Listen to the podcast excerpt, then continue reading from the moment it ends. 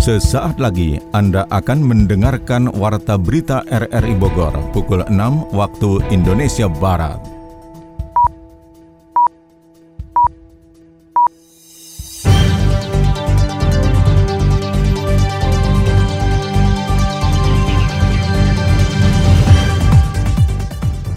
Selamat pagi. Saudara, Warta Berita RRI Bogor akhir pekan Minggu 26 September 2021 kami isi dengan rangkuman berita sepekan. Siaran ini dapat Anda dengarkan melalui aplikasi RRI Play serta turut disiarkan Radio Tegar Beriman Kabupaten Bogor. Bersama saya Mukhlis Abdillah, inilah rangkuman berita sepekan selengkapnya. Saudara, rangkuman berita sepekan pagi ini kita awali dari SDN Otista Kota Bogor. Wali Kota Bogor Bima Arya mengingatkan SDN Otista yang atapnya di beberapa ruangan kelas ambruk beberapa waktu lalu menjadi peringatan bagi semua untuk memastikan tidak saja protokol kesehatan tetapi juga kelayakan bangunan sekolah dilihat sebelum dimulainya pembelajaran tatap muka PTM. Terkait ini, pihaknya meminta Dinas Pendidikan untuk memeriksa kembali seluruh bangunan sekolah di Kota Bogor menjelang pelaksanaan pembelajaran tatap muka awal Oktober mendatang. Ia menegaskan harus dipastikan bukan saja sistem protokol kesehatan siap, tetapi bangunan sekolah dan semua fasilitas pendukung dalam keadaan baik. Menurutnya, ambruknya atap ruang kelas tersebut sudah dilaporkan ke Dinas Pendidikan setempat sejak Juni 2021 bahwa ada kondisi kelas yang mengkhawatirkan. Dinas Pendidikan pun merespon dengan melakukan perencanaan penganggaran perbaikan pada 2022 mendatang. Sambil menunggu perbaikan dan mengantisipasi jatuhnya korban jiwa, Dinas Pendidikan kemudian menutup ruang kelas tersebut dan memasang peringatan bertuliskan kelas ini tidak layak digunakan. Tetapi poinnya kata Bima, pertama kita harus segera anggarkan gerak cepat melalui biaya tak terduga di BPBD agar bangunan ruang kelas tersebut diperbaiki dulu untuk mengantisipasi juga pembelajaran tatap muka secara bertahap. Pemerintah Kabupaten Bogor serta BPN setempat akan membentuk Satgas Penertiban Tanah Hak Guna atau yang belum bersertifikat, seperti dilaporkan Yofri Haryadi. Pemerintah Kabupaten Bogor dan kantor agraria BPN setempat akan membentuk Satgas Penertiban Tanah Hak Guna atau yang belum sertifikat untuk ditertibkan. Penertiban tersebut meliputi pencatatan serta pengukuran ulang tanah yang kerap bersengketa antara warga dengan warga atau korporasi. Seperti dijelaskan Kepala Bidang Pertanahan Dinas Perumahan Kawasan Permukiman dan Pertanahan Kabupaten Bogor Eko Mujiarto, banyak masyarakat Kabupaten Bogor yang tidak memiliki sertifikat lantaran menempati lahan di tengah peta kawasan kawasan hutan yang tidak mungkin diterbitkan sertifikatnya. Melalui Satgas Reforma Agraria, inilah ke depan pemerintah Kabupaten Bogor akan mendata dan menerbitkan surat agar lahan atau pemukiman penduduk dikeluarkan dari peta kawasan hutan dan dapat diterbitkan legalitas lahannya dalam bentuk sertifikat hak guna yang dapat diperbaharui 20 tahun berikutnya. Ya mungkin sampai bertahun-tahun mereka masyarakat itu menguasai lahan, menggarap lahan, memanfaatkan lahan, tetapi proses sertifikat nggak bisa karena masuk ke dalam peta kawasan hutan termasuk yang di Sukamakmur banyak. Nah sekarang dengan adanya undang-undang cipta kerja yang kemarin hmm. sudah ditindaklanjuti dengan PP, ditindaklanjuti juga dengan peraturan Menteri KLHK, hmm. itu akan kita selesaikan permasalahannya. Termasuk permukiman-permukiman yang berada di dalam peta kawasan hutan dilepas. Dan nanti kita kita pemerintah daerah melalui Bupati bisa merekomendasikan itu diterbitkan sertifikatnya atas masyarakat. Yang selanjutnya untuk dikeluarkan daripada kawasan hutan. Hak guna lahan juga menjadi prasyarat dalam penetapan tata ruang di suatu kawasan bagi pemerintah Kabupaten Bogor. Termasuk di dalamnya juga ada aset pemerintah daerah yang belum bersertifikat. Ada 2 juta bidang tanah di Kabupaten Bogor yang menjadi tugas BPN Kabupaten untuk disertifikasi. Kepala Kantor Agraria BPN Kabupaten Bogor, Sepio Akanto menambahkan dari jumlah itu baru 60 persen yang bersertifikat sertifikat selebihnya ditarget 210 ribu bidang per tahun melalui program PTSL. Pemerintah daerah juga menganggarkan alokasi dana untuk 45 ribu bidang tanah di Kabupaten Bogor untuk disertifikatkan BPN. Kebanyakan kita itu kan tanah-tanahnya kan tanah-tanah SHGU, berujung sampai ujung itu SHGU banyak. Kemudian secara sisi di lapangan banyak yang tidak dimanfaatkan sesuai dengan pemberian HGU-nya. Kasus misalnya HGU diberikan itu kan jelas untuk perkebunan kelapa sawit misalnya, hmm. kebun teh misalnya. Hmm. Tapi setelah lapangan misalnya kelapa sawitnya nggak ada, misalnya kebun tehnya nggak ada, misalnya yang terjadi banyak masalahnya sekarang kan begini. Gugus tugas agraria inilah kita bedah, kita cari solusinya. Kemudian kalau memang itu sebagai sumber penghasilan masyarakat, nama juga X ya. Hmm. X berarti kan melalui tim gugus tugas reform agraria ini memberikan rekomendasi untuk dikeluarkan atau untuk diterbitkan sertifikat sama masyarakat. Nah, termasuk yang sekarang ini. Tahun ini ada proses aset Pemkap yang belum disertifikasi sekitar 3.900 bidang dan diselesaikan BPN Kabupaten Bogor baru 1.741 bidang tanah. Selebihnya ditargetkan selesai hingga 2023 nanti. Pihak kepolisian mengimbau dalam program ganjil genap masyarakat yang akan berwisata ke kawasan Puncak Raya harus memperhatikan tanggal dengan nomor plat kendaraannya agar bisa melintas di kawasan tersebut. Petugas akan memutar balikan kendaraan yang tidak sesuai peruntukannya guna bisa mengurangi mobilitas masyarakat terutama saat akhir pekan. Kabin Humas Polda Jawa Barat Kombes Pol RD mengatakan program ganjil genap kendaraan di kawasan Puncak Raya masih menjadi andalan dalam mengurangi kepadatan arus lalu lintas. Masyarakat yang melintas harus tertib dalam menunggu antrian selama pemeriksaan dari mulai simpang Gadog sampai ke arah puncak. Dalam program tersebut, pihaknya juga melakukan sistem satu arah jika sudah terjadi kepadatan sehingga bisa cepat mengurai kemacetan. Dari Polres Bogor, dari Polresta Bogor, dan Cianjur itu sudah bersinergi. Yang penting adalah pada saat weekend itu ganjil genap berlaku, ya mulai dari Gadok, Simpang Gadok. Nah sehingga ini akan memantau. Kalau seandainya memang sudah terlalu banyak, ini nanti akan di halau dulu, di hold dulu di apa di gadok tersebut. One way lagi. Jadi tetap berlaku. Jadi ganjil genap ini berlaku pada saat weekend. Saya kira mereka sudah memahami ya, memahami dalam rangka memutuskan mata rantai tersebut. Mereka sekiranya memang tidak penting-penting amat untuk berdamai wisata ke sana, ya lebih banyak di rumah. Masa uji coba ganjil genap tersebut akan terus berlangsung guna bisa menjadi salah satu aturan permanen di kawasan puncak sehingga dapat menekan paparan COVID-19 di mana saat ini sebagian besar wilayah Jawa Barat sudah memasuki PPKM level 3 bahkan level 2. Sementara itu, Jalan Puncak 2 diharapkan bisa menjadi solusi mengurai kemacetan di kawasan puncak. Laporan selengkapnya disampaikan Yofri Haryadi. Pasca uji coba ganjil genap bagi kendaraan yang menuju puncak Bogor selama tiga pekan dilaksanakan, akhirnya diusulkan permanen. Sementara sistem buka tutup arus masih menjadi opsi situasional saat lantas mengurai kepadatan dan antrian kendaraan dari kedua arah. Meski dinilai efektif untuk mengurangi penumpukan kendaraan yang masuk ke puncak Bogor, kebijakan ganjil genap tidak akan juga menurunkan minat masyarakat untuk berwisata ke Bogor, Cianjur, dan Sukabumi. Dalam rapat pembahasan dan evaluasi ganjil genap antara forum Forum Pimpinan Daerah Kabupaten Bogor dan Cianjur itu pun tersirat ada solusi lain dalam upaya mengurai kemacetan lalu lintas dan sudah menjadi agenda Bupati Bogor Adi Yasin untuk mewujudkan Jalan Puncak 2 atau Poros Timur Tengah PTT sepanjang 48 km meliputi Kecamatan Citerep, Babakan Madang, Sukamakmur hingga Kecamatan Cipanas, Kabupaten Cianjur. Cibubur saja orang udah siap-siap ke situ kan langsung ke Sentul belok. Jadi orang yang mau ke Bandung, yang mau ke Cianjur nggak harus lewat sini. Yang sini khusus orang mau pulang dan berwisata saja sih. Dibandingkan dengan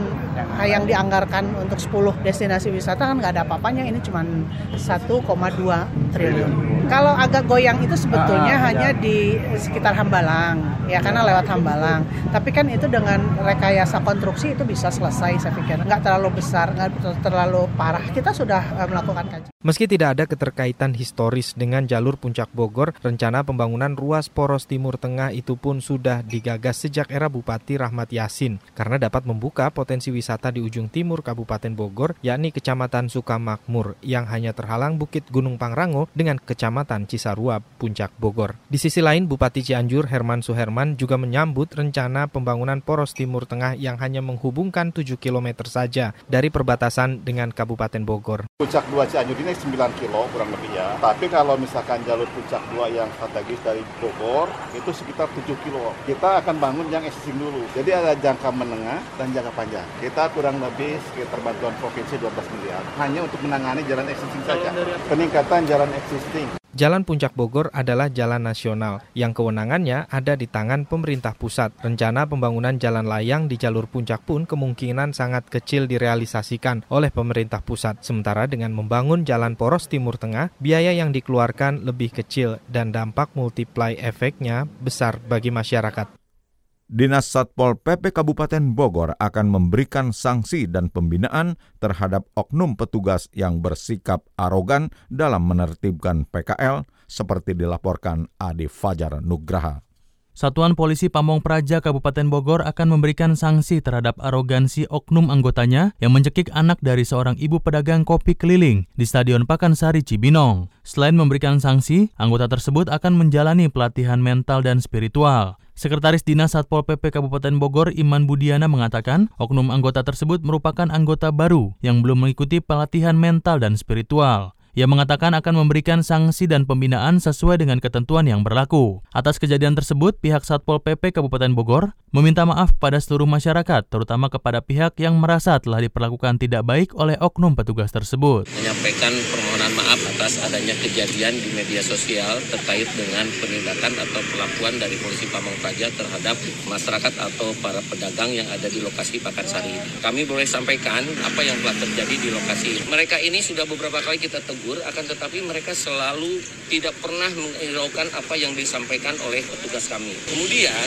pada saat kejadian, anggota kami terpancing dengan mengeluarkannya kata-kata yang kurang senonoh. Dia memaki-maki kepada anggota kami dengan bahasa-bahasa yang cukup tidak baik. Tetapi gimana pun juga, kami tetap akan melakukan penindakan terhadap yang bersangkutan sesuai dengan ketentuan yang berlaku yang ada di Polisi Pamung Praja. Sementara itu, IS, oknum petugas Satpol PP Kabupaten Bogor yang bersikap arogan, telah mengakui perbuatannya dan meminta maaf atas kejadian itu. Saya yang anggota Banpol PP Kabupaten Bogor menyampaikan permohonan maaf yang sebesar-besarnya atas perilaku saya yang terjadi pada tanggal 18 September 2021 di area Stadion Pakansari Sebelumnya beredar video viral tindakan arogan seorang anggota Satpol PP kepada pedagang kaki lima yang tengah melakukan penertiban pedagang yang berada di kawasan Stadion Pakansari Cibinong agar steril dari kerumunan termasuk para PKL untuk mencegah penyebaran COVID-19. Namun tindakan oknum Satpol PP tersebut menuai kecaman dari masyarakat luas. Saudara Anda tengah mendengarkan rangkuman berita sepekan dari Radio Republik Indonesia Bogor. Pengembangan tujuan atau destinasi wisata di Kabupaten Bogor akan diperluas tidak hanya menyasar pada kawasan wisata puncak. Salah satunya di Kecamatan Nanggung. Budayawan asal kecamatan tersebut Nur Hidayat mengatakan kecamatan Nanggung tidak kalah dengan Puncak, bahkan memiliki paket wisata lengkap mulai dari wisata sejarah berupa kantor Bupati Bogor pertama, wisata alam berupa air terjun, dan juga wisata megalitikum yang banyak ditemukan di wilayah barat Kabupaten Bogor itu yang saya amati itu masyarakat tuh masih di sini ya masyarakat di sini. Zamannya merantau ke Jakarta merantau ke kota gitu. Jadi tidak mengembangkan potensi yang ada di kecamatan Nanggung. Bu Ade juga pengen ke sini dan mengembangkan dan membangun segala rupanya di sini. Mungkin ya salah satunya agar masyarakat di sini itu bekerjanya atau mencari mata pencariannya itu di sini bukan bukan di kota gitu. Keindahan alamah kita berani ngadu lah gitu. Kita juga punya di Nanggung ya. Kebon teh punya teraserium punya curug, wah udah nggak kehitung lah di sini mah banyak banget curugnya. Prasasti juga ada, sejarahnya juga ada kan kantor bupati pertama itu adanya di sini. Bangkitnya pariwisata di kawasan Nanggung diyakini akan menopang eksistensi sanggar dan budayawan yang menjadi bagian penting dalam pengembangan industri jasa pariwisata. Wilayah tersebut masuk dalam bagian dari Geopark Pongkor dan menjadi bagian dari pengembangan 10 destinasi wisata unggulan di Jawa Barat. Pimpinan DPRD Kota Bogor mendesak Perumda Pasar Pakuan Jaya menyelesaikan mediasi dengan PKL Pasar Kebon Kembang. Sony Agung Saputra menurunkan laporannya. Penyelesaian polemik penempatan PKL di Pasar Kebun Kembang Bogor menjadi sorotan pimpinan DPRD setempat. Ketua DPRD Kota Bogor Atang Trisnanto menegaskan semua aturan harus ditegakkan sesuai koridor dan PKL harus mentaati peraturan yang sudah ditetapkan. Sementara dalam pelaksanaan di lapangan Perumda Pasar Pakuan Jaya diharapkan memperhatikan semua aspek agar kondusivitas wilayah tetap terjaga. Diskusi yang lebih dalam lagi antara pihak Perumda Pasar sekaligus dengan PKL tidak bisa masing-masing untuk maksimal pencapaiannya. Jadi harus menurunkan ego masing-masing. Dan saya yakin insya Allah akan ada titik temu di antara keduanya. Bahwa betul hari ini pandemi COVID-19 warga, masyarakat sangat kesulitan dalam masalah ekonomi. Kita berikan kesempatan namun tentu peraturan terus juga ketertiban dan juga pengelolaan yang tertib dan baik agar bisa tercipta iklim ekonomi yang kompetitif dan berkeadilan. Menyikapi hal tersebut di Rut Perumda Pasar Pakuan Jaya, Muzakir menjelaskan, upaya pendekatan persuasif yang dilakukan pihaknya sudah membuahkan hasil. Ini terlihat dengan adanya pedagang yang sudah masuk ke dalam tempat yang tersedia. Namun demikian masih ada saja pedagang yang masih membandel yang enggan mengikuti aturan. Pendekatan ke mereka kan humanis, bukan kita pengusiran. Ketika relokasi, kita siapkan tempat. Memang hanya karena satu dua orang aja, ya mungkin ada motif lain saya nggak tahu. Tapi kita kan tetap fokus ya bagaimana PKL itu tidak boleh berjualan itu berjualan di dalam yang tempat yang sudah kita siapkan. Nah sekarang pengamatan kita juga udah mulai masuk tuh. Kemarin kalau nggak salah udah delapan yang berjualan. PKL PKL itu udah udah masuk ke kios-kios ada delapan PKL. Tiga PKL kan udah punya kios di dalam. Jadi sekarang udah kurang lebih ada 11 PKL yang sudah aktif di dalam. Komunikasi dengan Muspida TNI Polri juga terus dilakukan Perumda Pasar Pakuan Jaya sehingga suasana aman dan nyaman dalam berniaga di pasar tradisional di Kota Bogor dapat tercipta. Polres Bogor mengungkap kasus penipuan dan investasi bodong berbalut koperasi di Desa Kiarasari, Kecamatan Sukajaya, Kabupaten Bogor. Berikut laporan Yofri Haryadi. Kasus penipuan dan investasi bodong berbalut koperasi dari platform trading forex Binomo di Desa Kiarasari, Kecamatan Sukajaya, Kabupaten Bogor akhirnya dibekuk petugas dengan jumlah korban 800 orang serta kerugian yang diakibatkan mencapai 23 miliar rupiah. Kapolres Bogor AKBP Harun mengatakan awal mula usaha yang dilakukan tersangka IR 32 tahun pada 2019 lalu adalah dengan mengajak keluarga dan kerabatnya untuk berinvestasi dengan dijanjikan imbalan 40% dari total uang yang disetorkan selama satu bulan. Awalnya mereka yang menyetorkan uangnya untuk investasi dibayarkan sesuai dengan kesepakatan. Hingga pada 2020 akhirnya IR membentuk badan hukum koperasi untuk melegalkan aktivitasnya mengumpulkan dana dari masyarakat hingga puluhan miliar rupiah. Peristiwa itu pun akhirnya berujung pada perusakan rumah dan aset milik IR dan kerabatnya yang mengelola koperasi konsumen Bakti Kirana Mandiri lantaran janji untuk mengembalikan uang investasi beserta keuntungannya pada awal 2021 tidak ditepati. Untuk total korban, semua kita dapati ada 837 korban. Kemudian dengan dana sekitar semuanya 15 miliar 840 juta. Dengan cara tadi, ada lagi satu lagi investasi bodong lagi yang, yang diberikan oleh tersangka. Tersangka membuat satu arisan sembako. Arisan sembako yang dikelola oleh ini menyampaikan kepada masyarakat bahwasanya nanti akan ada arisan sembako dan akan diberikan sembakonya pada pada saat lebaran. Dan jumlahnya semuanya total sebesar 7 miliar 588 juta 361 ribu rupiah. Sehingga dengan dua investasi ini atau dua investasi bodong ini total semuanya 23 miliar 430 juta 260 ribu 134 rupiah. Kapolres Bogor menambahkan rekening 50 miliar rupiah yang dimiliki oleh tersangka diduga fiktif. Uang terkumpul dari dana tersebut diputar dalam bentuk program arisan sembako kepada peserta untuk kebutuhan hari raya serta membeli tanah 3 hektar serta simpanan dalam bentuk deposito bank serta kendaraan dan rumah. Kasat Reskrim Polres Polres Bogor AKP Handrias Adrian menambahkan pihaknya masih melakukan pendalaman keterkaitan dari empat tersangka lainnya selaku pengelola koperasi. Koperasi tersebut memiliki badan hukum dan SK dari Kemenkumham namun belum memiliki izin usaha. Kita masih mengembangkan perkara ini sementara masih satu, tapi tidak menutup kemungkinan ada tersangka-tersangka yang lainnya. Pelaku IR diketahui seorang guru madrasah Ibtidaiyah di Desa Kiarasari, Sukajaya, Kabupaten Bogor, beserta barang bukti yang diamankan seperti sertifikat tanah, buku AJB, serta rekening dari 8 bank dan ATM, tersangka dijerat pasal 372 dan 378 KUH pidana dengan ancaman minimal 5 tahun penjara. Pemerintah Kota Bogor mengizinkan tempat wisata dibuka kembali dengan sejumlah syarat. Kita simak catatan Adi Fajar Nugraha. Pemerintah Kota Bogor telah mengizinkan objek wisata untuk kembali beroperasi dengan syarat telah memenuhi persyaratan administrasi dan menerapkan protokol kesehatan secara ketat. Pemkot melalui Dinas Pariwisata dan Kebudayaan telah melakukan audiensi dengan para pelaku usaha pariwisata dalam mempersiapkan pembukaan tempat wisata. Kadis Parbud Kota Bogor Atep Budiman menjelaskan, pada PPKM level 3 Kota Bogor diizinkan untuk membuka tempat pariwisata dengan pemenuhan syarat protokol kesehatan yang diasesmen oleh Kementerian Pariwisata dan Ekonomi Kreatif serta Kementerian Kementerian Kesehatan. Pemenuhan syarat yang dimaksud ialah pelaku usaha pariwisata harus memiliki sertifikat CHSE dan barcode aplikasi Peduli Lindungi di masing-masing tempat usahanya. Kota Bogor ini kan sebetulnya masih dalam kategori PPKM level 3 ya. Untuk tempat wisata sebetulnya memang sudah diperkenankan untuk dibuka. Tetapi ada beberapa ketentuan yang harus dipenuhi oleh tempat-tempat wisata di Kota Bogor. Jadi kemarin dengan paguyuban pengusaha pariwisata itu diberi kesempatan oleh Pak Wali Kota untuk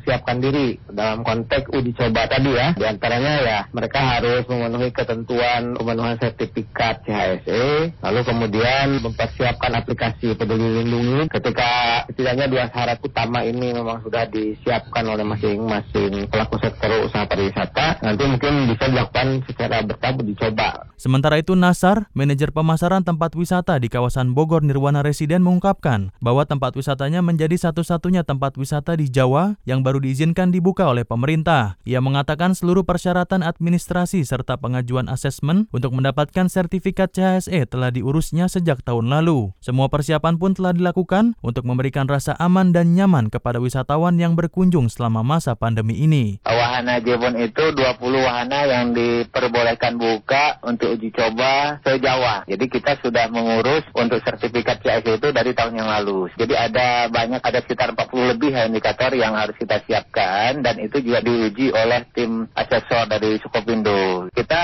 alhamdulillah sudah ada barcode peduli lindungi. Jadi pengunjung-pengunjung atau tamu-tamu yang sudah lama juga pengen berekreasi ya. Nah saat ini waktunya yang tepat juga dengan melakukan proses yang ketat, melakukan wisata edukasi dan rekreasi yang aman. Secara statistik perkembangan kasus COVID-19 di Kota Bogor dinilai cukup baik dan angka penyebarannya sudah menurun drastis. Untuk itu Pemkot Bogor juga mendorong para pelaku wisata di Kota Bogor untuk segera menyelesaikan administrasi dan menyiapkan infrastruktur protokol kesehatan agar bisa kembali beroperasi. Pemkot Bogor juga tidak segan untuk mencabut izin operasi tempat pariwisata jika melanggar prokes yang menyebabkan terjadinya klaster penyebaran COVID-19. Polresta Bogor Kota melonsing Sri Kandi tim penjemput vaksinasi Kota Bogor di lapangan Mako Polresta setempat awal pekan ini. Sri Kandi tim penjemput vaksinasi Kota Bogor itu terdiri dari 100 personel gabungan dari unsur Polwan, Kowad, Wanita Angkatan Udara, Wara, Satpol PP, dan Dishub Kota Bogor. Dalam melaksanakan tugasnya, mereka dibekali kendaraan roda dua untuk menembus titik-titik di pelosok kota Bogor. Sebelum bertugas, tim tersebut terlebih dahulu berkoordinasi dengan aparat wilayah untuk memperoleh data vaksinasi warga, kemudian menentukan target sasaran, lokasi, dan sentra vaksinasi terdekat. Kapolresta Bogor Kota Kombes Pol Susatyo Purnomo Condro berharap pemilihan wanita atau Sri Kandi sebagai personil tim pemburu vaksinasi bisa lebih humanis dalam menjalankan tugasnya, memberikan edukasi, pemahaman, dan dorongan bagi warga yang belum vaksinasi agar bersedia divaksin. Guna mendukung pelaksanaan tugasnya, mereka ujar Kapolres dilengkapi dengan modul-modul pemahaman vaksinasi sehingga diharapkan masyarakat bisa tergerak untuk datang ke sentra vaksinasi.